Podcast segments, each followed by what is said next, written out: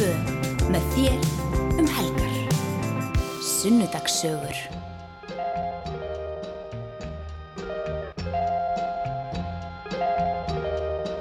Sælveriði, hér herst uh, þátturinn Sunnudarsögur og ég heiti Andri Freyr og er Viðarsson.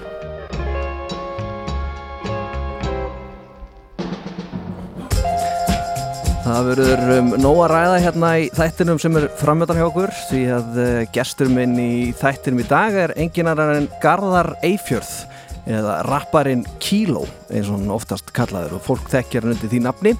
Það er náðungi sem hefur heldur betur sögu að segja, hann er nýjórðin færtur, var færtur í, í uh, þessari viku.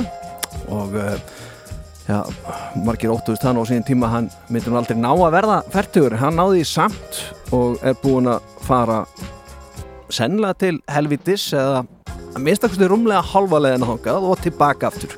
Og hér er hann standandi í fætunar og uh, dæland út tónlist og ætlar að segja okkur sögur sína hérna rétt eftir.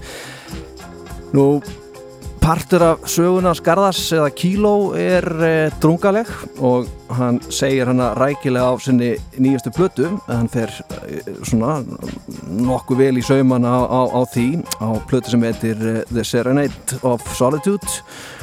Og e, ég ætla að byrja þáttinn á lægi af þessari plötu á þannig við tölum við hann Kíló. Og ég hveti ykkur eindrið til þess að hlusta á lægi þráttur við fílið kannski ekki hip-hop eða rap-músík Hlustið á textan, hann er stránkæðalegur og sannur og svo ætla ég að ræða við Garðar Eifjörð eða Kíló að þessu lagi lóknu þessum er uppháslag plötunar, nýjustu plötu Kíló, lagi heitir La Vida es Dura og það hljóma svona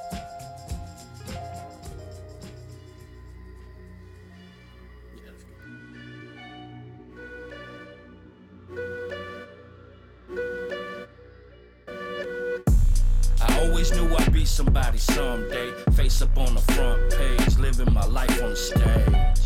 Nowadays they talk about me, but you don't know nothing about me. So let me tell you the story on how it goes, on how I became the man, the kilo. I tell you right now, it's been a long road. So take a seat, sit back, and drive slow. I grew up in the USA getting my ass beat every day. My stepfather hated me. Physically, mentally, watching my sister's nose bleed. Today, let me see you do that shit to me. My little sister was only three. Look into my eyes, motherfucker. We survived. We alive. Even though I don't believe in him, I thank God. We're full of pride. Angels watching over me. Hands on my shoulders holding me. That's why today nobody controlling me. Music is my rosary. Gonna be the king like I'm supposed to be. What you know about living no money for groceries? Everybody drinking so you get no sleep. Never been naive about my history. Please, I'm just telling you my story while Ballatron bang the beat. Mama, where you at? I'm all alone. Die alone. Mama, where you at? I'm all alone. I'm afraid to die alone.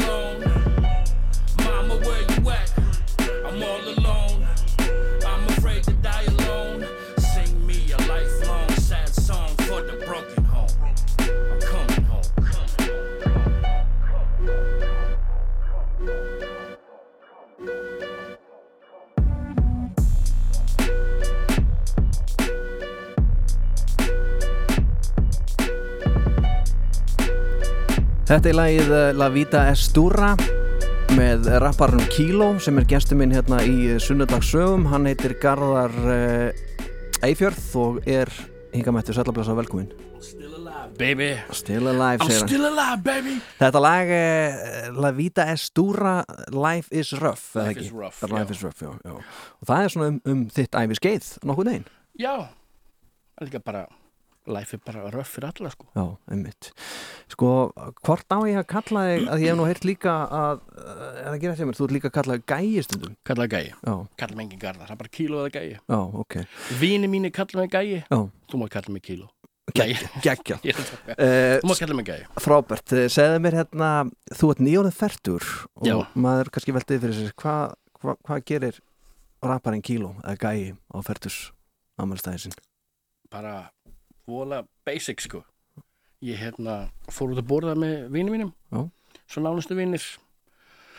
Svo hérna var ég bara með kæristunum minni Já. en daginn eftir þá hérna fórum með mig á hérna Skylagoon, Perluna bara þvílíku degudagur þú veist, Vestla og eitthvað, ég meðlegi bara eins og prinsessa, sko. Luxus æðislegt. Já, ég er mjög heppin, já. Svo mikið að góða fólk í kringum mig. Já. já, svo góða vini ángurins, minn vinahópur er bara það dýrmest sem ég er með í lífinu.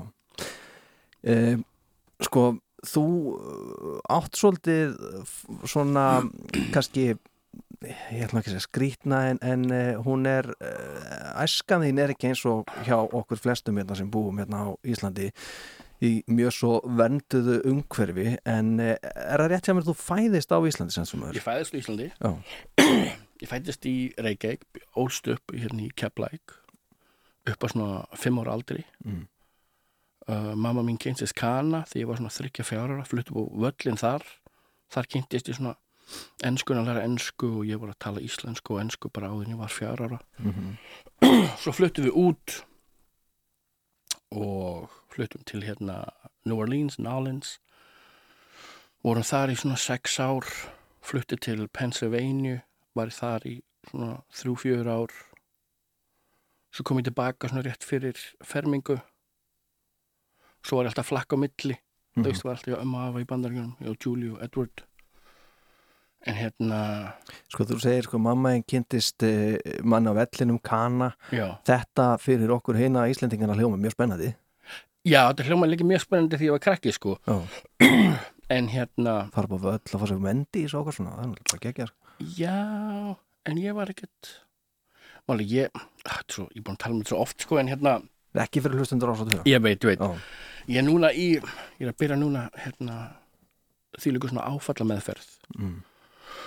Var aldrei að díla við þetta En hérna, úst, ég man svo lítur æskan minn og allt sem ég man eftir er bara hræðilegt. Ég bjóðundu bara stöð, eina sem ég get útskýrt þetta bara frá svona fjagra til svona 13-14 ára bjóðundu stöðugum óta stöðugum mér leið aldrei vel, mér leið aldrei örugur, aldrei.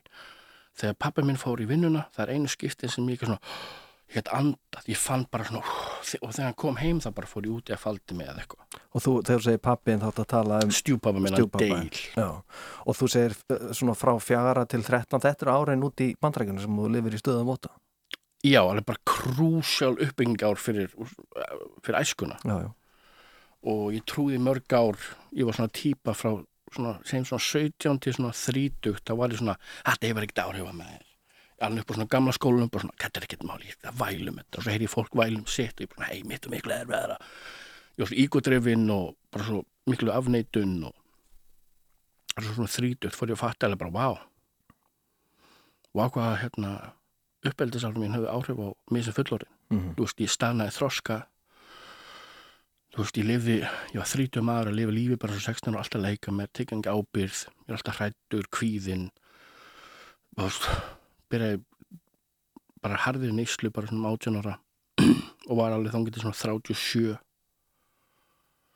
og hérna það er bara út í hataði sjálf mig. Ég fattaði ekki hversu mikið ég hataði sjálf mig. Ég var að drepa mig með mat, eiturlifum, áfengi ég var á mikið gunga til að drepa mig en ég var að drepa mig með mat áfengi og eiturlif og líka, ég var ofta að keira líka bara á sama hvernig ég var. Ég bara ótrúlega ég draf ekki einhvern. Já, en hérna að Karó vinkunum minni að þakka það voru allir að segja með gæði þú verður að hætta. Ég, svona, ég er bara víra, ég er ekkert full ég alveg keirt, ég keirt henn út og kókaður og ekkert mál.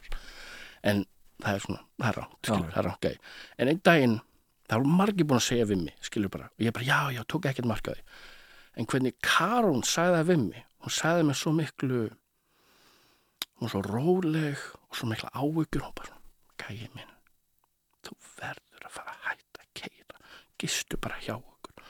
Og hvernig hún sagði þetta það bara gerði aldrei. Ég, var, ég fór alltaf að jamma og svona dæmi en ég var alltaf að redda með fari fyrst. Já, já, ótrúlega hvað fólk hérna getur fólk getur sagt í sama hlutin að dæfi en ein manneski bara hvernig hún segir það það sekkur inn og hún bara hann er tíðin Já, Já, gæi, sko, þessi ótti e, sem þú lifir e, í, í bandarækjunum og eins og segir þegar stjúpappin er heima þá bara getur ekki andað. Uh e, svona fyrir vinnuna þá svona loksins nærði eitthvað neginn andanum. Hva, hvað var það í fari hans Dale sagður það ekki? -huh. Hvað var það í fari hans sem að, var svona reikalett? hann bara, hann var bara sadistic.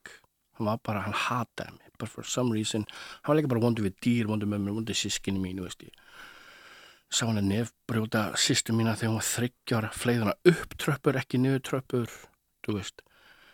Uh, litli bróða minn hérna, þurfti að fara að spýtra því hann var marinn á bringunni þegar hann sparkaði í stól og mataborið þegar hann kláraði ekki matinn og á mínu heimilu þú kláraði ekki matinn þá svafstu bara við mataborið og þá hann tók myndir af, ég, eins, og ég, eins og sést ég kláraði alltaf matinn minn. En sískri mín ef þau kláraði ekki matinn þá sopnaði í matnum, hann tók myndir og gerði grín og svona síndöllum og þau vöknuðu bara daginn eftir í matnum og þau bara, morgumat, nei, það var engin morgumat hún kláraði matinn sem áttur að borða í gær. Já, já, hann var bara óbildisnegur hérna, andlægt óbildi bara, og eitt sem ég komst á niðurstu, ég er, ég, ég er í svona hérna, EDRM therapy og svona opna minningar þegar svona, er mikið blokka, ég mann svo lítið. Og hann var alltaf bara að eiðilegja allt fyrir mér. Ég var mjög góður skóla, ég var greindur með sko, ég fljóð um tvo bekki þegar ég var uh, 9-10 ára, það var bara vá. Og svo, svo var ég testaður, ég var með greindustölu upp á 111 þegar ég var 10 ára. Já, og mér gekk ógæslega skóla. Það var bara svona, ég var algjör nörd. En hann var alltaf eiginlega fyrir mér. Ég vann eitthvað, svona verðlun eitthvað bílskúrnum ef við ættum ég ætti einu svona endur sem vakna alltaf mótnana undur öllum, hann sæði ekki og hann sá að ég fíla enda að losna við þessu endur. Bara allt sem veitti mér einhver ána eða eitthvað þá eiginlega það. Og ég getum þessa meðferð er, þessi, þetta therapy-dæmi, þá fatt að þessin er ég svona með svona mikið sjálfseyðingakvata að þau þetta veist, ég hataði sjálf mig og mér finnst aldrei gott, all, ég var alltaf að eyðilega self-sabotage allt, í- ennþá í dag ég er ennþá að berjast við þetta, bara svona gæi hættu að self-sabotage. Því það er ógæslega erfitt að elska sjálfa sig þegar maður elst upp eins og enginn elskar því en ég er samt byrjar að læra að elska sjálfa mig, Úst, ég er edru ég er búin að missa 25 kíló hérna einu ári. Ég, hérna, eftir ég veik hjartavallin mitt og bara snúi blaðinu við. En þetta er bara þetta já, en trikkið á mér, svo ég gera fram í það bara trikkið á mér, ég fattaði ég er ofta að falla, ég er ofta að falla og, mis, og hérna, það, það er þetta að falla í matarhæðin og svona dæmi og líka í nokkuð bakslög skilur, Mhm. þegar Elivin minn dó og svona dæmi. En ég hætti ekki, I will never quit. Veist, eitt sem ég fattaði mjög fljótt, ég bara svona ef ég fell eða gera mistök eða feila ef ég held áfram, ég bara stend aftur upp þá er ég alltaf pínu lítið sterkari. Alltaf pínu lítið sterkari og ég tók eftir, bara já. Svo ég leifi mér að gera mistök meira. Já reynslunni ríkar eftir mistök kannski. Já, ég menna, ég er færtur, ég ætti að vera með góða visku og þekkingu yfir, yfir sjálfum mig sko. það er það ekki allir sem eru fættir nei, það er rétt. Já, en þú segir hérna frá hrikalum svona dæmum uh, sýstin, þryggjára nefbrotin, uh, bróðin á spítalóta, Mari á bringu, ég bara maður er alveg þvert yfir sko, bara, Þetta er- blár. en þú sjálfur, lendir þú í miklum barsmiðum? já, ég man, man voru lítið sko, en hérna það sem man, viltu vita það? Já, endilega Ok, tökum til dæmis hérna er alveg brútal saga sko hérna, 1. janúar ég heldur svona 1900 og veist, ég held ég verið svona 8-9 ára og stjúpa minn átti Nintendo tölu fyrstu Nintendo töluna Gekju græða já, ég mátti aldrei spila og það var hans tala í húsinu mínu þá ég mátti ekki svona sitt í sófanum. Og hann sagði, hund, hann sagði hundar og börn sitt á gólfinu. Og þessum sitt ég ofta á gólfinu bara heim, heim til heimsókn við fólks ég sitt alltaf í Indian State og ég er mjög, ég er mjög liðugur. En já, ég átti alltaf að sitt á gólfinu og mátti ekki spila töluleikina en þegar hann fór í vinnuna þá leiði maður mér að sninglast í töluna sko. það fór það bara fór ég spila Mario Brothers og einn daginn, 1. janúar þá fór ég bara að gera það. Ég held að hann var í vinnunni, ég fattaði ekki það, það enginn að vinna 1. janúar fattar Já, já, ég veit, vissi þetta ekki sem krakki. Nei. svo ég niður spila Mario bara, bara, já, ég er að killa það. Bara, oh fuck yeah, Mario bitch. Og svo heyri ég stjúpa minn uppi. Og ég er panika, ég er bara hann heim ég hleyp upp á tröppunum líti upp. Hann er hann, sér mig eins sem hann eftir. Hann hleypur niður og ég bakka og bakka og ég bakka alveg út í eitthvað hotn bara alveg, bakka mig alveg út í hotn og svo hrettur og svo grípar hann mig og svo man ég ekki me- meira en ég veit að hann, veist, landið mér buff, þú veist, ég man alveg eftir ég var við herbyggi grátandi og en þetta var bara fyrir að spila í tölvunan sko. Já, emmitt og þetta var, þetta var bara regular thing. Þess vegna var ég bara alltaf úti eða inn í herbyggi sko. Já. Já, Sko, þetta er í New Orleans sem Já. þetta er að gerast. Já. og það er náttúrulega mikil stjættaskipting í bandarækjunum já, fólk býr alls konar uh, götur eru alls konar, hverfur alls konar. Hvernig, hvernig var hjá ykkur? þetta var culture shock fattur en sem krakki þú hérna veist ekkert hvað ég veist ekki hvað rasismi er var þegar flóngar ég flutti til bandaríkjum sérstaklega svona small town, middle America. Mm. það er bara nutso, liðarna en hérna ég komst ekki, komst ekki upp, á hérna, hervöllin fyrsta ári svo við byggum í Gretna Louisiana, sem er bara eitthvað svona veit ekki, hardcore ghetto eða eitthvað. En ég man ég var einu ég, ég man ekki eftir neinu öðrum hvítu strákum ég var einu hvítu strákum í skóla og skólefnir voru eins og hefur séð Samuel Jackson myndina 187 mm -hmm. því ég fór í sóli skóla Já, þar sem hérna kennslustofuna voru trailerar og þú borðaðir úti undir svona skikni ég fór, í, ég fór í þannig skóla og auðvitað var pínulegur einelti sem, sem feiti hvíti strákurnana Mhm. en hérna ég fór það hann sigurveri ég hérna vann hérna The Black Art History Contest. Jaha, já, The White Boy Won Já. skilur en þar, en að búi í Gretna þar fann ég hérna ástur mér með músík. Því um helgar þá fór ég alltaf út að leika þá fór allir út að leika, allir að opna bílskúrshörnum sína fólk að dansa, hlusta músík þetta, þetta var svo mikið stemning skilur, svo, og svo var mamma mín sko að læra hérna hálgræðstofa hjá svona, svona black hair, hún vann á svona black hair og gera svona hár, hár á hérna the black people. Mhm. og þetta var svo skemmtilega kúltir mér fannst bara, þú veist the black people svo skemmtilegt og áhugavert og þetta var bara svo, wow, þetta er bara I love this. En já, þar kynnti því my love for music já. og rappi Og fyrsta svona, hvað varst að hlusta sem að ég mátti ekkert mikið hlusta á rappmúsík skilur, ég fætti að hlusta á vínu mínum og eitthvað svona dæmi, ég man ég ólst upp þegar það var reyna að banna rapp Já, þú veist, tipur góður að banna það og það var bara svona the devil's music ég man einhvern tíman vorum á hérna the school bus og einhvern, ég vissi ekkert hvað Dr. Dre the Chronic var, en það var strákur með Dr. Dre the Chronic kassetu þeim, hann var með það svona fyrir neða mittni svona ekki, ekki sína kennarnum að ég er með ég er með Dr. Dre the Chronic hérna.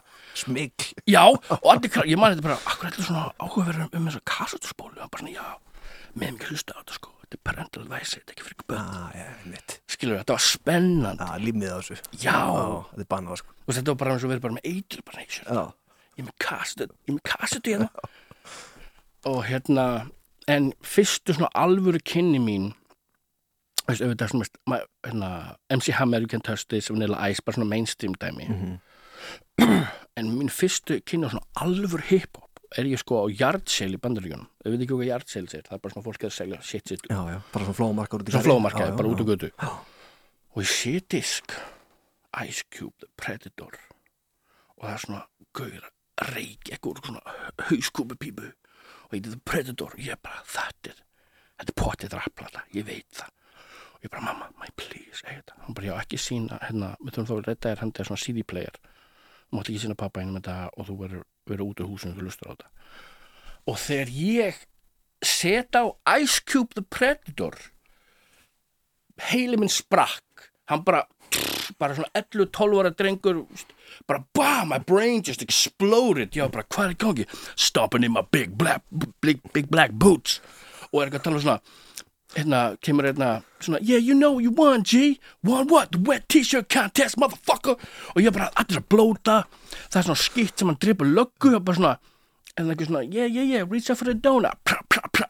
og stið bara, hann er að drepa löggur berja fólk, hann er, hann er á móti ríkistjórninni, ég þetta var svo bara oh my god, þetta er geðvikt Þarna finnur reyði úlingur sig. Já, ennþá í dag er þetta mínu uppbúrsplötum skulum hlusta hérna lag með Ice Cube af þessari plötu, The Predator og þetta er nú svona eitt af mýkri lögunum á að segja. en gott er það, Já. It was a good day heitir þetta og uh, það var ammælistafn að skæða líka hérna sem var að segja frá svo heldur var hann að spjalla við Yeah. Kilo rapparan eða Garðar eða Gæja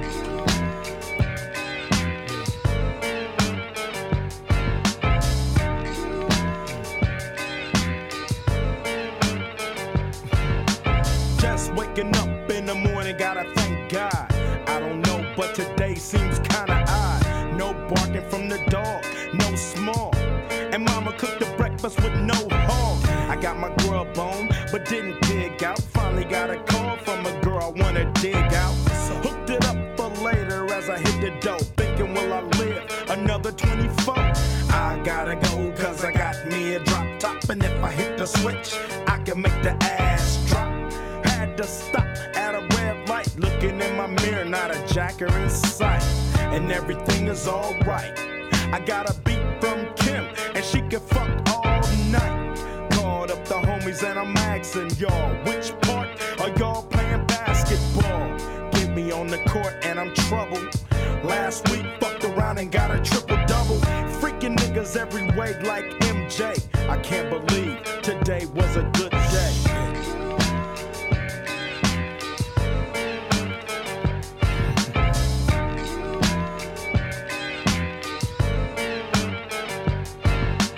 Drove to the pad and hit the showers. Didn't even get no static from the cowards. Cause just yesterday, them bulls tried to blast me. Saw the police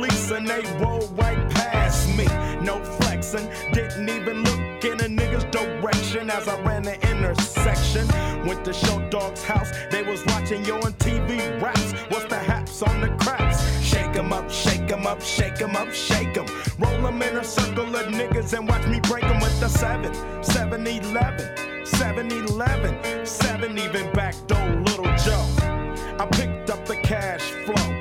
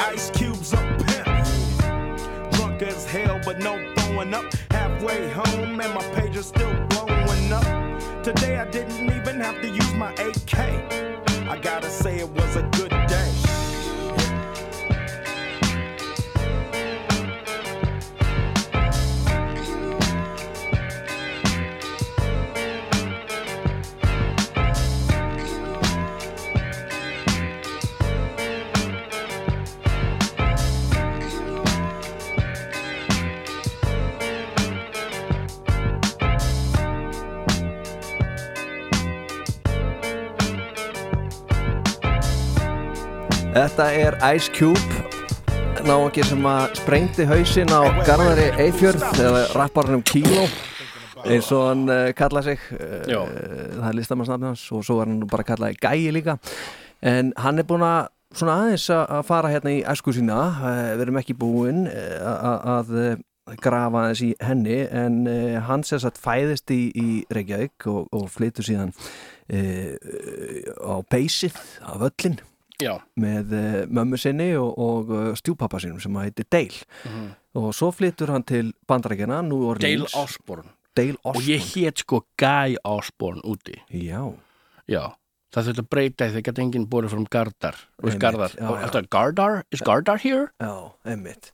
Og hann flyttu þá gað til New Orleans eh, með honum Dale Osborne sem er vægt til orðatekið hrotti. Og hann fer illa með Gaia og fer illa með sískinnans og hann er, já bara á okkur heyrist, frekar slæmur maður. Hvernig var hann við mömmu hérna og, og hvar, hvar stóð hún í þessu öllu saman greið? Uh, litla, ég, ég man bara vola lítið eftir mömmu og úst, einu, úst, ég man ekki eftir minningu ég man, minningu, man ekki eftir sko, afmælum eða einu minningur af mömmu er hún vann á þessu hárgræsastofu og þú veist, ég veit að hún hann var pottet vondu hana því ég man eftir nokkuð skipt og hún sagði grátin í herbyggi og þú veist, mamma var bara að díla við sitt skilur, þú veist, ég kenni ekki mömmunum eitt en eitt og, og hérna þú veist, ég var búin að fyrirgefa deil fyrir löngu. Ég lærði snemma að ekki hafa hatur í hjartaninu þú veist, það eitar bara þig. Mér langar aldrei að hata einhvern og, láta einhvern lifa bara ókipis hausnum mínum. I don't want this. En eftir ég byrjaði í þessu áfællameðferð og bara senstu viku átti ég svona breakthrough. Og fætti akkur ég með hennar sjálfsæðingakvata og þá fyrir ég að vera reyður aftur. Og ég bara, vá, þessi bara fokka sér og sáfrangum mig bara svona það er bara fínt, það er allt í lægi að vera reyður fólk, úst, það þurfi ekki allir að fyrirgefa. En þú þarf bara, þú þarf bara að passa hérna, lá- láta ekki reyðin að stjórna þér. Ég sagði, já, og það var ógslag gott að vera reyður aftur. Ég bara, fuck that, mother, fuck já, Þú heimsækir hann svo þér átjón ára. Þegar þú ert átjónar, já. já, ég lem hann í buff. Já, Já, það var góð tilfinning en það er er ekki búin að sitja eftir. Þetta er skemmtilega saga að segja. Já, hann er bara svo mikið greita Úst, lífið er búið, Karma er löngu búin að ná þessu manni skilur já, já, Úst, hann á ekkert sérstætt líf, hann á enginn sem elskar sig og nei, hann er bara eitthvað svona Christian Nutto. Þú veist, fjefletta bróður með bróðum björn út og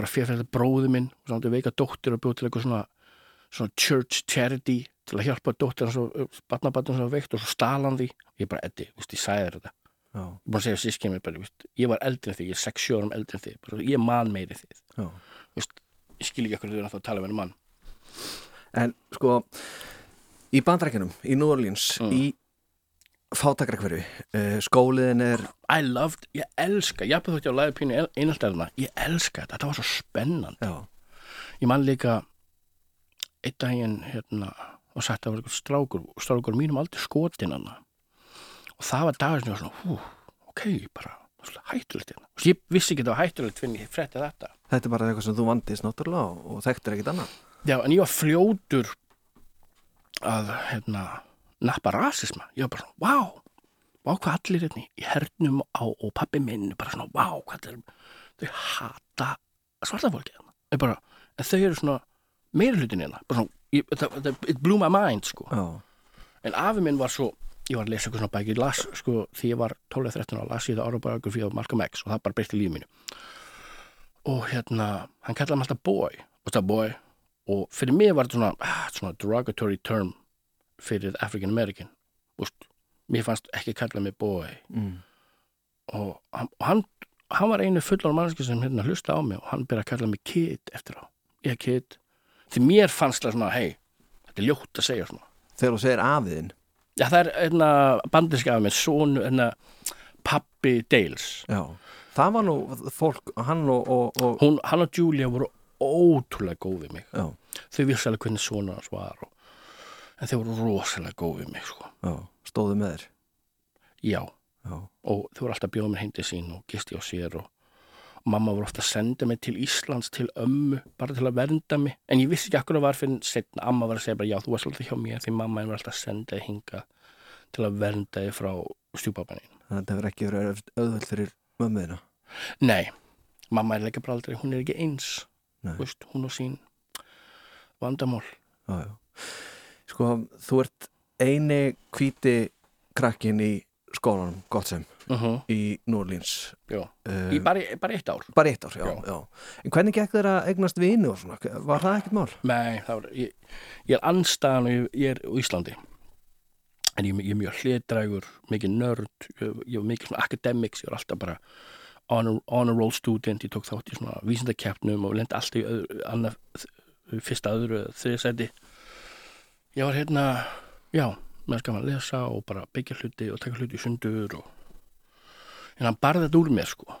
Þú veist, ég misti allan á þessu. Ég, eina sem ég var að spá ég var bara að surviva og þess vegna í dag er ég ótrúlega góð mannþekkjari. Og það er ekki hægt að ljúa mér, það er ekki hægt að manipulita mig því I'm really good at it. Mm.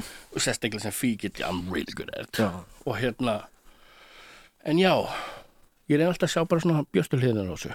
Já. Þú uh, fer svo út í neyslu mm. uh, og það er eitthvað sem þú heldur kannski að hafi gerst út af þessum fyrstu áriðinum og sérstaklega í bandarækjunum eða hvað mm, alveg bókamál sko. alveg, veist meira hlutin af fólki, það er ekki allir en ég myndi segja meira hlutin af fólki sem, sem detta í hardcore neyslu er að díla við eitthvað áföll Já. eitthvað sem þið viti ekki af, jafnvel bara þú í einhverju neitun, einhverju glemdar minningar svona suppressed trauma. Ég byrja bara svo allir þú veist, drekka svona 15 ára prófa hass 17 ára, ég fíla það ekki. Svo svona 18-19 ára prófa spýtt. Og ég svona, hmm. Ég drukki miklu meira inn út af spýtt skilur, æðislegt. Svo prófa ecstasy, þegar ecstasy var gott skilur, really good. Og svo fór ég frá svona tvítugt til svona þrítugt. Það var bara spýtt ecstasy spýtt ecstasy, bara, var bara algjör spýtt fíkil Mm. en var ekkert, það var slæmt hvað, hvað, ég var að segja, það var ekki það slæmt það var fucking slæmt. Já, en svo svona rétt eftir þrítugt þegar ég byrja að fá okkur hérna svona tónlistaferil byrja að meika það svo kallað er orðin hérna segja svona Snapchat stjarnar, já, já, já. sem ég bjóst aldrei við, Vist, ég var reynið að vera rappari en ég var Snapchat stjarnar fyrst. Og svo gaf ég út Magnifico og, og fór alltaf gangið svona 2016, 2017 það var bara, var ég að lifa draumana mína? Ég var bara að lifa draumi mín. Bara, þetta er insane. Upp á sviði með fullt af fólki upp á sviði, sponsor spilum allt, spil í hörpunni út um allum skólum Já, þennan böllum engapartíum, bara, þetta var bara fucking geðvikt þar kynntist ég svona hörnum hörru, núna er pening fyrir kókain best að þetta í þetta? Já. og ég hef aldrei þú veist, ég fíla alveg spýtt og eitthvað því, en bara kók, bara just wow, I just really love that shit. Öff. Sko, hættulega ást þar að ferð hættulegt samband að myndast við skulum spóla aðeins tilbaka. Mm. þú kemur aftur til Íslands þegar þú ert 13 ára. Já, svona 13 rétt fyrir fermingu. Já, kemur hinga og fermist. Uh, ferð þá til ömmuðinar Nei, mamma er komin nýjan kall Já. í, í hérna uh, hann heiti Keli. Já. og þau fluttu upp á Ringbröð í Keflæk og já, ég held fermingun mín hérna og var í skóla og... en já, og svo spurði áðan þú veist, í bandaringunum átti, ég bara enga vini, enga vini og svona dæmi. En því ég kom til Íslands þá var ég sko svali strákunum frá Já, og þegar ég kom tilbaka þá vissu fjölskyldum mér í Íslandi hvað ég lendi í svo það þorði enginn að segja nei við mig og bara reyndu að kaupa ást mína bara sérstaklega amma og fleiri og mamma líka hún kom þá bara dælti mig peninga. Svo ég var alltaf í geðveikum fötum og, bara, og, þau breytti mig bara í svona frekju spilt forréttinda bara hræðilega, bara, ég var bara skrimsli því ég var úlingur þú veist, ég var líka bara fremja glæpi og eitthvað. Já hvernig glefi? ég var ég var kannski, einhver- ég var hérna smá tíma verið svona þekktur innbróðstjúður Já. svona brótið sinna á staðar og ég held að verið svona 10-12 hús sem ég brust í. Og því ég var loksins nappaður það var allt svona sting operation því ég sagði ykkur vinkunum mínu frá þessu eitthvað og þeir sögðu fólta sínum svo fór ykkur bakari og kom svona löggur sem voru ekki einhverjans klættir Já, ég, bara, ég var inn í bakari að býta stelpunar þau bara svona, hvað er það? Já, tanntekinn, ég bara, what the fuck? Og þau hérna finna fullt af þýfi heimi á mér og eitthvað. Og þau spurja mig hvernig braustin er þessu hús? Veist, það er ekkert það sést ekkert á húsinu og þú ert ekki að passa ekki henni glugga þú ert svo feitur, það er ekki sjens út að passa ekki henni glugga. Ég sagði, tæknilega breysti ég ekkert inn ég var með likla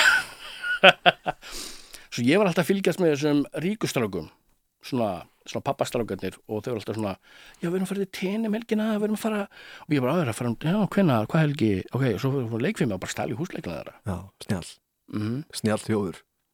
Já, Já, og hérna, ég var oft bara tjammað inni, bjóðum mínu borða allt úr ískapnu þeirra ég var vandrækjamningur, Já, come on, já, já. give me a break skilur, ég er ekki að mæla með að fólk gerir þetta. Nei, nei, nei, nei, og þú sem sagt þarna uh, ertu nappaður, uh, löggan handtekur þig í bakaríinu, þú ert, uh, það kemur sko einkennisklættir lögreglu þjónar þarna bara undercover sko og handtaka þig, hvað gerist? Ertu settur í grjótið að bara sleiða hendunar á þér og, og kerti heim? Já, maður er svo ungur, Já, já, fættur, það er ekkert gert við mann. Nei. það er bara að tala um fóldur manns og bla bla bla Hugsaður þinn gang eftir þetta? Mm, Nei, eiginlega ekki Nei. Skólinn skiptist í tvent sko Öst, ég, var, ég holdi skóla það var sko helmingaskólan hötuðu mig en hinn helmingum var bara, já, gæði fucking get cool bandaríska strákunum sem er brjóðsast inn og veist, þeim fannst það get cool. Talaður ennsku þarna? Eða varstu, var íslenskan eða þá í þér? Ég hérna, þurfti að vera tvöfalda íslensku tíma þegar ég kom heim. Ég, að, ég lærði aldrei dönsku, ég fór aldrei tvöfalda íslenska tíma. Ég er ennþá með bjæjar í íslensku, ég kann ekki að falla beigja og ég segi hluti. Úst, ég held ég var 25, nei, ég, svona, nei, ég hef verið svona 19 ára. Ég var alltaf að segja sko, herru, ég læt annarkort ykkur hafa og ég menti að segja sitt hvort. En mörg ár var alltaf bara svona, ég kendi baka og ég læt annarkort ykkur hafa. Svona hlutir. Það er það ég, nei, nei, er það ég? Ég sagði annarkort, ég var svona, já, já, já, ég, ég fatta ekki. Hvor? Ég var svona, er þið stúpid? En sko, þú sagði líka að, að þú flyttur heim og mamma er með og hún er búin að kynast nýja manni sem heitir Kili. Já, Hvernig var hann? Var, var allt í lagi þar? já, whatever. Hérna, hérna, ég hef ekki mikið að segja um hann, en hérna, en 16 ára, rétt fyrir tíundubekkin, þá kemur mamma, bara, herru, þú ert að flytja út. Ég sagði, hæ, ég, er ekki svo búin tíundubekkin, maður, hvað, hvað er gangi? Já, ég er búin að leiða til herbyggi, það er eitthvað svona frönsk nefndastúlka sem er að taka herbyggi, þú er bara frödd ömmuðinnar, ég bara, ég skilði það alveg. Og hann basically hendaður út. Já, ég skilði alveg, ég var alltaf að halda partí hérna og brjótast inn í hennar húsi mitt ég mátti ekki vera einn heima ef hún var úti eða eitthvað, en ég bara, þú veist, já, ég gerði ég var bara vandrækjamlingur og ég var, fór um 16 ára og ég er búin að vera þar síðan. Já. Þú fer til ömmu, hvernig uh, tekur amma þessu? Fá hérna snaruglaðan vandræðagemsa hindi sín sem að enginn hefur hömlur á? Amma vill bara hafa mig, skilur ég, amma er mamma mín. Amma er móðir mín. Hún ól mig upp hún gaf mér skil yrðislausa ást alla æfi hún batnaði mig, hún verndaði mig svolítið mikið en hún var alltaf með mér í liði. Hún gafst aldrei upp á mér. Og treystu mér það, veist, fólk var að segja við hana bara í gönnum árum bara ekkur hendur ekki drengin út?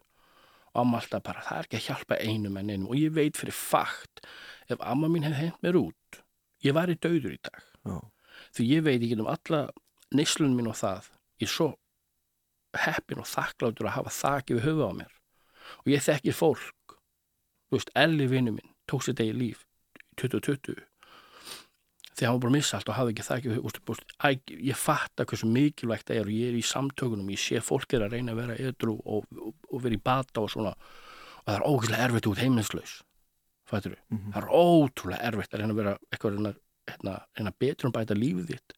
Eða þú ert atvinnulegs og heimilislaus það er ótrúlega erfitt. Svo ég er mjög heppin, ég hafi alltaf húsið hennar ömmu. Þarna ertu að verða að fullónum einstaklingi heima ömmu. Og uh, þú ferð þangað 16 og, og uh, þú sagðir á hann hérna þú ert svona þú, það er þetta að byrja að fá þér í glas og þú ert að fara þú ert aðeins að fykta við hassi sem að náða nú sem betur fyrir ekki og uh -huh. svo ferðu bara lengra og lengra og lengra. Uh -huh. um, sko varstu þá bara að sukka heima á ömmu Í- já, já, bara eins og ég vildi. og hún bara næsta herbyggi og... Nei, ég var alltaf með efri hæðina sko. Já, já, já, hún bjóð önnur hæð og leiðum út hérna, það þryggjaði hús. Já. ég var bara á efri hæð, bara my thing. Og ég var aldrei með eitthvað brjáli læti auðvitað var ég með eitthvað svona pínu læti eitthvað tíman en ég spurði alltaf ömmu fyrst skilur við líka faldi þetta vel, allir fíkla fela sétti sitt ógislega vel. Mm -hmm. og ég var ekkert að umgangast hann ef ég var eitthvað hellaður á því. Nei, þau var alltaf bara, "Æ, ég er veikur eða Já. "Veistu, ég þarf að sofa, eitthvað skilur. Já, já, en hún vissi samt að var eitthvað gangi hún er ekki, hún er ekki heimsk. Nei, sko hvenær þetta er uh, svona tónlistin inn í þitt líf? Að því að þú ert náttúrulega fyrir fólk sem er að stilla inn en ég er að tala með hann Gaia sem er nú kallaður Kilo og uh, hann er rappari, hann er búin að dæla út plötum, það er bara búið að vera eina ári núna undanferðin hvað fjögur ár?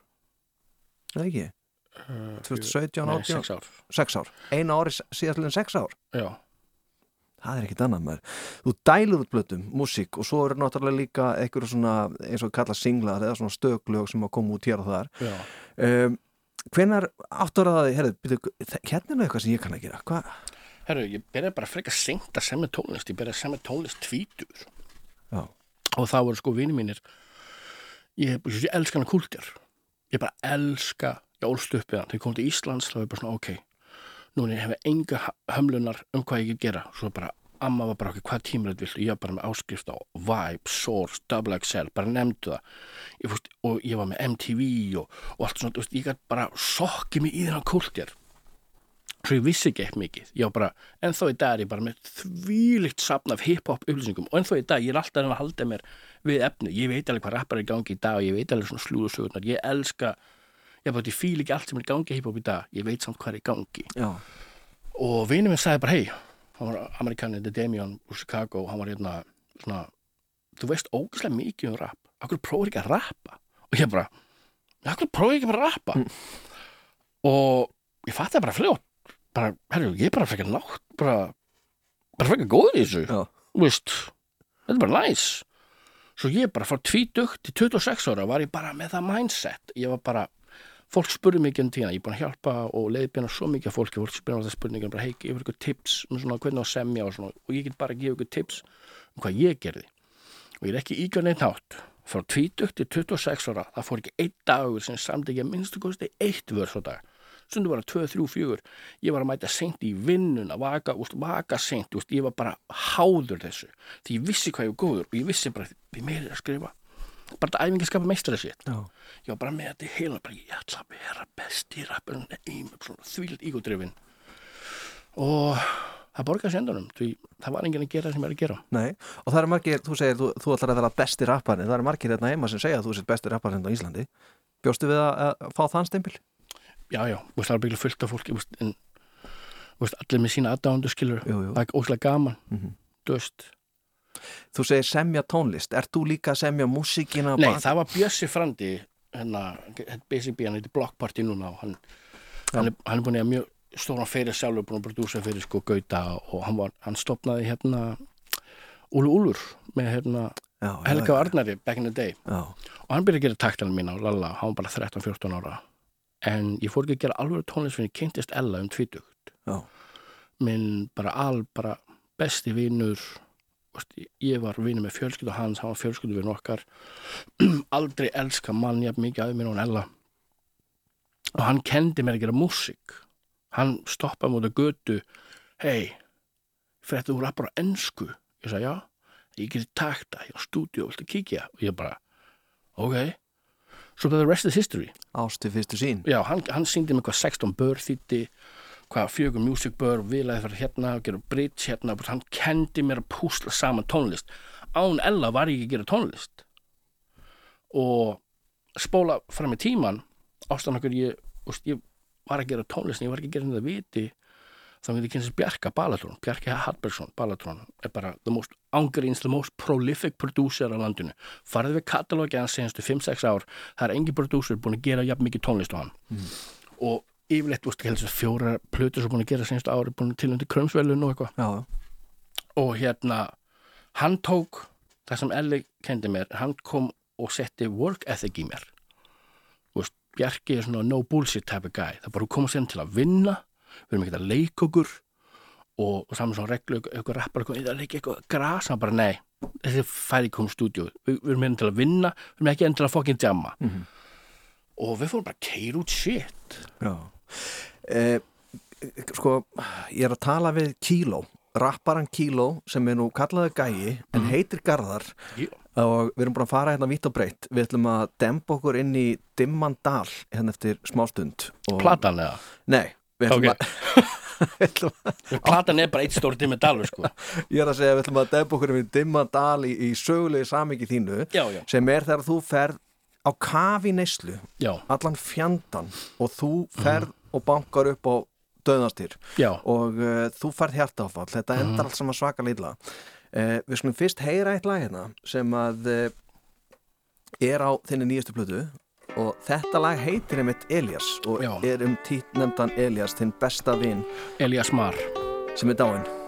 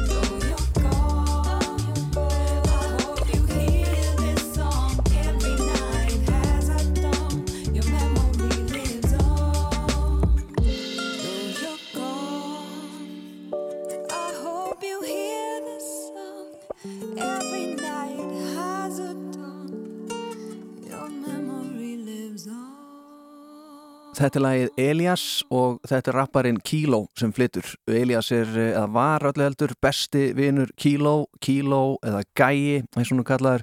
Hann er uh, gestur minn hérna í sunnundagsögum og við ætlum að halda áfram að ræða málinn. Við erum búin að fara vitt og breytt. Við höfum uh, farið alveg í upphaf æfi Gæja og, og uh, já, hann flyttur snemma til bandarækina og það verður algjört helviti fyrir hann því að stjúpappans er uh, skrimsli sem að gera eitt annað en að berja hann og sískina svo lemur úr honum allt sem að heitir eitthvað jákvætt þar meðal sjálfströst og já, hann var yfir bara greindur krakki og það var eitthvað neginn uh, lamið úr honum líka. Og hann flyttur svo heim til Íslands og við erum komin á þann stað þar sem hann er flyttur til ömmu, hann er byrjað að gera músík og hann er að fara að dempa sér á kafi í neyslu sem við ætlum að ræða hérna næst. Þú ert að hlusta á Rástvö. og þetta er þátturinn sunnudagsögur Kíló, rapparinn, hann er hjá mér og Kíó. hann er búin að vera að segja sína sögu hérna eða svona, við erum kominir á uh, þann stað þar sem hann, hann er byrjað að gera músík og fann sig heldur betur í því. Og uh, hann hugsaði með sér, ég er bara helviti góður í þessu. Og hann hefur ekki stoppað síðan. Og pennin er alltaf á lofti, það er alltaf verið að skrifa texta. Og það er verið að dæla út plötum og það eru komna sko sex á síðastlunum sex árum. Nei, nei, það er fimm plöður fimm, já, ok, fimm. Ég Nei, byrju, ég verð að tjekka, byrju Nei, Það er White- Boy of the Year, Grand Hefe Heart of Gold, nei, fjóra fjóra, ég sagði það fyrst Já. Næstu, ég kunni alltaf að telja uh, við erum komnir á þann stað alltaf að telja. Við erum komnir á þann stað sem að hann er býrja ömmu sinni, hann er byrjar að gera músík og það gengur vel og fólk hérna heima er bara, herri, þannig er komin maður sem kann að rappa sko. og uh, þá eins og þú sagðir hérna í, í spjall okkur á þú, þú hefur alltaf verið svona haft þá tilningu til að rústa fyrir sjálfuður og Já. það var eitthvað sem að var eitthvað neginn gert í þínu uppeldi. Þegar þú fannst eitthvað sem var skemmtilegt þá var það eðlætt Já, Eh, þú ert hann góður í að rappa og þá kynnustu já, þú ert þarna einhvern veginn að kynnast eh, neyslu, þú ert fann að drekka ákveður að taka spýtt, það gengur betur að drekka þannig, getur þú ekki miklu meira. Og svo kynnustu Satan sjálfum sem er kókanið. Já, þetta var bara ein, einu önnu tegundu satan. Þetta, allt, held, þetta heldur allt í hendur. Já, Þú veist, svona upp á mitt versta þegar maður er með spýtt, kók og svona dæmi allt er bara stöðugt. Þetta voru svona þrý, fjóra dagar í viku og svona þrjá, fjóra daga. Jafnæst, þetta var bara svona vítaringur aftur, aftur, aftur, aftur. Og með því kemur líka skilur klámfíkt, spilafíkt bara nefndu það, bara matafíkt. Ég var bara on a, on a bara one way train to hell. Já, og hérna 2019 það er allt fyrir að úst, sökva ég bara, það var bara 2018 byrjaði svolítið að missa að vini mín er að fá svona, svona hérna, búin að fá leið að mér. Ég er búin að brenna svo marga brýr, búin að sóa mörg svo mörg tækifæri, já, með svo, ég var, ég var riding high hérna 2016 og 2017 fekk svo mikið tækifærum. En ég var bara alltaf svo obsessed með bara græði peninga, sponsors bara þetta, þetta, þetta, þetta. Og ég var aldrei að njóta, ég var aldrei að njóta mín. Ég var að lifa litlu draumanum mína en ég var aldrei að njóta mín. Nei, Svo 2019 er ég á fjara fymta bender, kókja bender. Og ég hérna er að fara að sofa. Ég er bara svona, er best að fara að sofa. Býtu áður nú heldur áfram Já. Fjagra fimm daga bendir Já. fyrir mömmu sem er bara heima að lusta á brjónarugla leðinu sko. Já, þá er, ég, þá er ég bara á vökunni eða ég tek tvo daga Já, og sef kannski þrjár fjóra tíma og byrja aftur. Fattur þá er, þá er ég bara á já, og ef ég er ekki á ferðinni senustu svona fjögur, fimm ára nýslu mín þá var ég bara alltaf heimi á mér. Já. Ég bara satt inn í herbyggi most sad shit sem getur ímyndað er svo sorglegt. Bara einn, bara einn, ég vildi alltaf vera einn. Því það kemur alltaf svona moment í á svona þegar þú ert í djúbri neyslu það er engin að sukka eins og þú. Fattur það er bara svona, getur enginn haldið upp við því bara allir hinn leiðilegir bara svona allir að fara heim og bara svona ég er bara að fara heim og bara að vera vökunni Já. og hérna Og hva, hvernig, sko því að nú er um, kókain er svona efni sem er rándýrt. Já, að ég var alltaf með heldsala sko. Já, þú ætlar að vera er samt dýrt skilur, ég var samt að eyða svona 300-400 skall á mánuði. Í, og þá er ég köpt á hilsulu, ég var að fá skilur grammið á 15. átjá og svo get gert þrjú gram úr því ég myndi eða sigur, Já, hérna er. það er svona ritual, ég elska bara að fá með marmara plötunum mína allt kókið mitt bland the, you, I just love the ritual, right Og svo hvað gerir svo? Fimmtum, þú ert annað fimm daga bendir eins og segir ekki múin að sofa í fimm daga, allt Já. í hakki núna ætlum ég að fara að sofa og svo ætlum ég bara, oh, byrja að fara svona brúsvið og ég er svona, oh my god, bara vesti brúsvið eður, ég er svona bara, ég get ekki andað og ég er svona reyna að sofa ég bara, ég sé þetta bara úr mér og hérna svo bara, nei, ég get ekki sofa maður.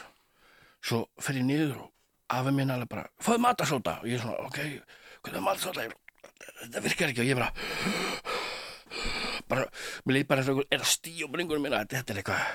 Og ég var að býða eftir sko að fá svona verk í vinstarhandlegg eins og maður heyrir alltaf. Já, og litli frændi með hann Siggi hérna lappar inn og hann svona, herru, það þarf ekki alltaf að vera þannig. Og þú gæti verið um hjálpaverð og ég bara, herru, eða það? Við að spýla það svo lappa ég inn í gjörgæsluna og bara læknin og þau sjá bara maður, hann á hjartaverðina og ég bara, já, já, greinilega. Og hann bara lappaði hann inn, ég bara, hei, lappaði hann inn. Og hann bara, þau trúði ekki, sko. Og svo bara, já, bara beint nýr og slis og í Reykjavík. Fór í tvær hjartaþræðingar var með tvær kransastýplur búin að vera með það í nokkur ár. Uss.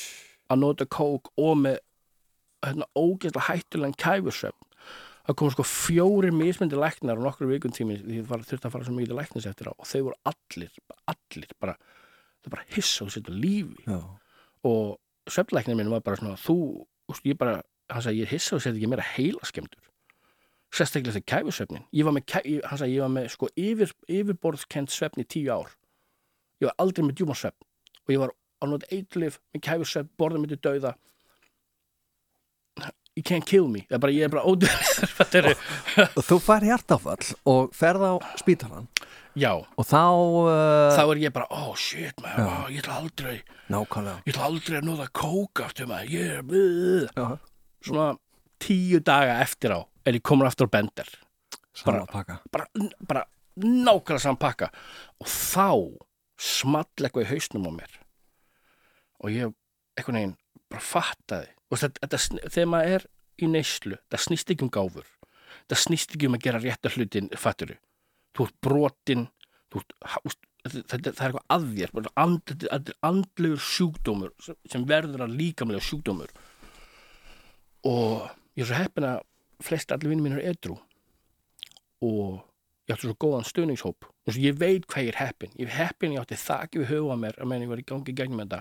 Og ég átti fólk sem þótti nóg mikið væntum og stóði hlýna mér, hjálpa mér ekki með fundina og hann sagði sko, Davivinn minn sagði sko, þú verður að gera þetta með einlægni. Það þýr ekki bara að mæta að fundi, bara að hlusta og vera bara eitthvað svona blið, mm -hmm. fyndu sponsor, svo fílar. Og ég er svona típa ef ég í botn gera þetta í botn, turbo, bara alls sem eitthuleg og hvað sem, ég, svo músikin ég bara gera þetta í botn. Og það er eitt besta sem gera á æfi minni var að taka spórin eina leiðin sem get útskýrt spórin er hann svo að stökkva í djúbulöguna með tilfinningar nínar og horfast í augu við sjálfa því um hvað mikið ógeð ert en samt á sama tíma læra fyrirgefa þér. Mhm. fyrsta skrefið er bara að viðurkenna ég er búin að vera hræðileg mannver því þú, þú tekur ekkert eftir hvað það hefur mikið áhrif á alla í kringu það er svo mikið fólk sem elskar mig svona on gríns, I'm a lovable guy I get it, I'm really, I'm a cool dude I get it en ég var alltaf bara alltaf svona sjálfsagt hlutur Já. I took it for granted og já besta sem gerir lífið mínu var hérna eitt af besta Já. Þú ert edru í dag, búin að vera núna í góðan tíma. já, tæp tvö ár, ég að hafa tvö bakslög, tvö, þrjú bakslög það er bara svona einn og einn dagur, en ég kem alltaf sterkur tilbaka, Já. en bara aðal dæmið er, veist, ég er ekki bara edru, heldur ég er búin að vinna svo mikið sjálfur mér, Og ert enn að því. já, veist, ég, ég borða holt, ég, ég hreyfi mig, ég er búin að missa næst í 25 kílóinu ári. Veist, ég drekk bara vatn allar liðlokan dæmi, nokkar kaffibótla ég, my mindset er allt öðruðsi auðvitað á ég svona lægðir er svona, desember var veist, og líka þetta COVID. Veist, all, er ekki allir bara það lægði við alla hérna. Jú, jú, það er, bara, er insane bro Já, já. Þú kemst ekki á svið. veistu hvað, ég er alveg dottin út, ég, mér langar ekkert mikið að gera músík og, Það hætti, þú varst að gefa blötu bara, þú varst að gefa lag og já, en þú veist ég, það er ekki dræfið. ég er ekki hungraður ég er búin að gera þetta í 20 ár Já. ég, er búin að ná þetta, ég nenni ekki þessum leik Nei. þessum views, deila þetta ego-driven vera svalur rappari og Snapchat þetta, eins og sagði það. já, þetta, þetta, þetta, þetta meikir ekkert sense skilur Mm. þetta, it's all pointless. Í endan af deginu, sá hvað marga fylgjendur og um views og svona dæmi þetta er ekkert að fara henni ánæg eina ánægina sem ég er búin að finna sinni í bata er að klára svona lítil markmið. Og standa við lofurinn sem ég segi við sjálfa mig. Það er svo krúsjál ef ég get ekki staðið við lofurinn sem ég segi við sjálfa mig hvernig ég geti gert það við aðra? Og ef ég elska ekki sjálfa mig hvernig einhvern annan elska mig? Þetta veit ég gera. Vist, auðvitað mun ég gera eitthvað eitt og eitt lag en ég er alltaf aldrei að ég leiður á þessu bransa. Just tired of it. Mhm. Sko, þú getur ekki, sko, ef þú elskar ekki sjálfvæg, þá hvernig getur ykkur annar elskað þig? Uh Þú myndist á kærustu hérna áðan, þú komið frú. oh my god ég var búin að gefast upp. Ég var bara búin að sætta mig við bara svona Vist, ég fór ekki venlega leiðina. Hún er fyrsta kærasta mín, sko, ég hef aldrei átt kærastu ever. Og hérna ég hef bara búin að gefast upp á því og hérna svo bara fann hún mig. Hún sendi mig bara skilabóð og bú, ég vil ekki tárast maður en bara ég fucking elska hana sko. hún elskar mig og þetta er svo fallegt. Hún er svo, hún svo finn, hún svo fucking fyndin. Falleg, ógislega sexy. Hún er börlextansari, húla, húla, húlakennari. Hún er svo fyndin, hún er svo góð við mig búst hún býður mig á dates líka. Hún bara svona, núna, núna ég fara að gera date og mér líður bara svona hún bara, hún bara svo fucking góð við mig og hún stýði mig og veitna, við kynntumst hvern annan þegar við erum bæði búin að vinna ekki mjög sjálf okkur. Já. hún líka búin að fara svona áfætta meðferð og við kynntumst hvern annan þegar við erum að blómstra. Já. Og það er svolítið fallegt við því hún er svona peppari minn og ég er pepparinn hennar ég er að fara til að beint eftir þetta viðtal sko. ég er að fara að vekja hana Rífar upp. já, Þannig að þú ert, sko, rapparinn Kíló er bara í drullugum málum í dag. já, þú veist já, já, Líður vel, sáttur. já, já, jú, jú Þú veist, auðvitað er erfitt, en máli er ég á það til að vera svona mikið, ó, svona einblinn mér svona miljón hlutum í einu og ég svona, ó, og ég verð svona þunglindur að því og ég þarf svona, ok, stoppa, eitt í einu gæði, eitt í einu gæði og, þú veist, ég er ennþá að jafna mig og byggja upp lífið sem ég, sem ég sem ég reif niður. Mhm. þú veist, ég var ég, ég var alltaf, ég, ég bara þegar ég var neyslu ég var í fullri vinnu, 100% vinnu og allt saman. Ég var að gera svo mikið pening og, og nú er þetta allt farið, fattur nú er þetta að byggja upp á nýtt og, og það er ekki allt í lægi já, já, allt í lægi að vera byrjandi aftur it's ok, Þetta er allt í áttina. Þetta er allavega uppleið. Já, ég er sáttur við mannskana sem ég er í dag. Já. Og ég veit eftir að vera bara betra og betra. Hvað sér þið í framtíðinni? Hvað, hvað ætlar Kíló að fara að gera? Ég ætla að klára núna endurhæfingar mína, klára þess núna í april og ég fekk bara green light hjá hjartalæknir mínum og allt svona dæmi, bara allt gengur vel. Já, Svo er ég bara að fara að vinna með vinnu já, og mér langar að fara að vinna í hérna skadamingarhæfingunni kannski og ég er nú þegar hérna sjálfbólið hjá frú Ragnheiði. já, Þú veist, mér langar að, ég held að vera gott fyrir bata minn og ég er bara ógislega góður að díla við fólk. Þess vegna var ég alltaf í svona afgælsustörfum og sjá um hótel og svona dæmi, ég er svona people person. Mhm. En já, bara finna mig vinnu hérna, ég verð komið ábyggilega íbúið með kæri svona næsta ári ég vil bara byggja og tryggja framtíð fyrir sjálfa mig. Þess vegna er ég að spá um helsuna og mataræð þú veist, ég vil vera 50 og geta séð um sjálfur. Þú veist, fyrir tveimur árum gæti ég valla að lappa upp tröppur, núna er ég að lappa 60 km á dag, bara no problem fattur og ég er með orku og ég er bara ég er bara ánæður að lífi, ég er fertur mhm. Í nýjórðin ég er nýjára fertur Já, já. þú veist, með við lífverðin sem ég má lifa ég ætti að vera löngu döðu svona no joke, Já, já, ég veit það. Ég I'm unkillable. Já, já, you can't kill me God! Hann er rétt að byrja. Þetta er hann Gæi eða Gæ, uh, Garðar Eifjörð sem að er nú eh, kallaður Kíló hérna í daglega mála í Íslandi allan að búin að vera að gera það undanfærin ár. Já, Uh, við ætlum að vera að segja þetta gott að þessu blæðri hérna í okkur. Hvert fólk til þess að kynna sér tónlistans kíló á takk fyrir andri minn. Ekki máli sömulegis, öllu heldur. Og heimildamindi mín. Já, einmitt, og það er heimildamind um hann kíló á sem tengis YouTube. plötun á Já. æskun og neysluna. Já, hún heitir bara Kilo heimildamind á YouTube. Hún er bara ókeipis þarna þú veist, drop a comment if you like it drop a like, subscribe nei, en takk fyrir mig andri minn. Sömulegis kella og ég ætla að ljúka þessu hérna á lægi á, af uh, nýjastu plötuðinni uh, sem er uh, fjórða, eina fjórum plötun sem er að finna á Spotify og ásand fullt af öðrum svona stökum lögum og þú þú- ert að fara að spila Something to Live For. Ég er að fara að gera það. Já, það, öll platan er svona eimd og drungalega og bara reyði og lalla. Ég vildi enda plötuna á svona, svona pínu hopeful, pínu svona vonar svona dropa. Já, er ekki það sem við erum að gera hérna núna? Erum við ekki enda svolítið svona vonadrópa? Já, þess að núna hef ég fullt ástæðan til að lifa. Einmitt.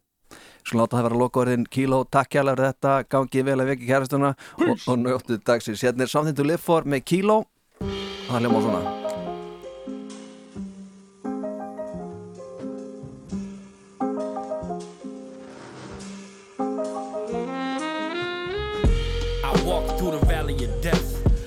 Searching for heaven. Will I ever find rest? This is my journey, my quest. Stress thoughts manifest in my brain. I gotta remember, it's all a test. Cause at the end of my rainbow is a treasure chest. No need to finesse life. Some of us need a life vest to act right. Invest in yourself, that's right. Believe in yourself, that's right. No shame in asking for help, it's alright. Don't worry, man, it's alright. With death all my life. The gift of gab, yeah, it came with a price. Been so sad, I wanna take my life. I came from the gutter like a thief in the night. I run up the tab, I've been wrong, I've been right.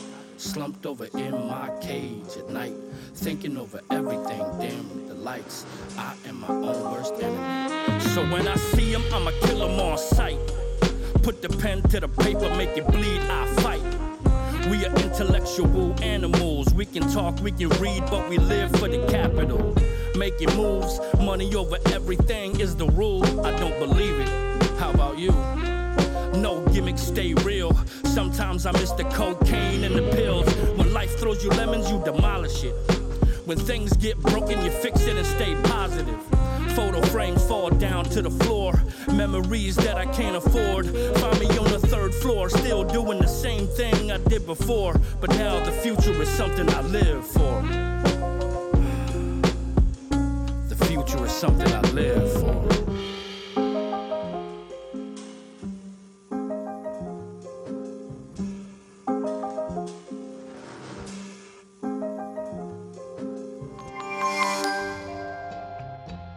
Ert að hlusta á Sunnudagssögur. Alla sunnudaga klukkan 12.40 á Rástfö.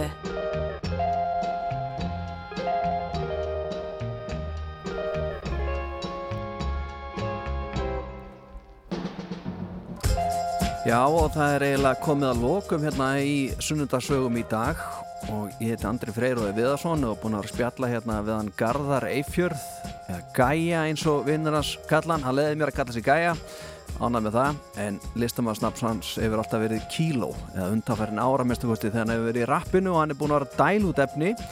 Og því líka sagan sem hann saði ykkur hérna rétt á hann og, og fyrir ykkur sem mistu af þá hveti ykkur bara eintreið til að fara inn á spilarinn eða inn á rúf.is eða einhverja álíka staði til að hlusta aftur á sundarsögur og, og, og taka þetta almeinlega inn.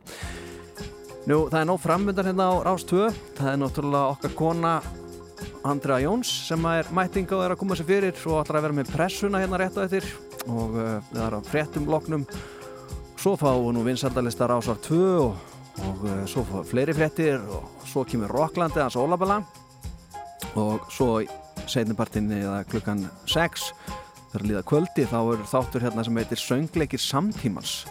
Það er að fjalla hérna um íslenska söngleiki og það er hlið, hlið við hlið sem er tekið fyrir í þætti dagsins Jú, uh, ég ætla að fara að segja þetta gott að mér í byli en hann Garðar eða Gæi Kíló hann tráttur að vera mikill rappari og rapphundur þá hlustar hann líka á aðra tónlist það er nefnilega mikill miskilningu með rappara þeir hlusta ekki bara á rapp þeir hlusta á alls konar.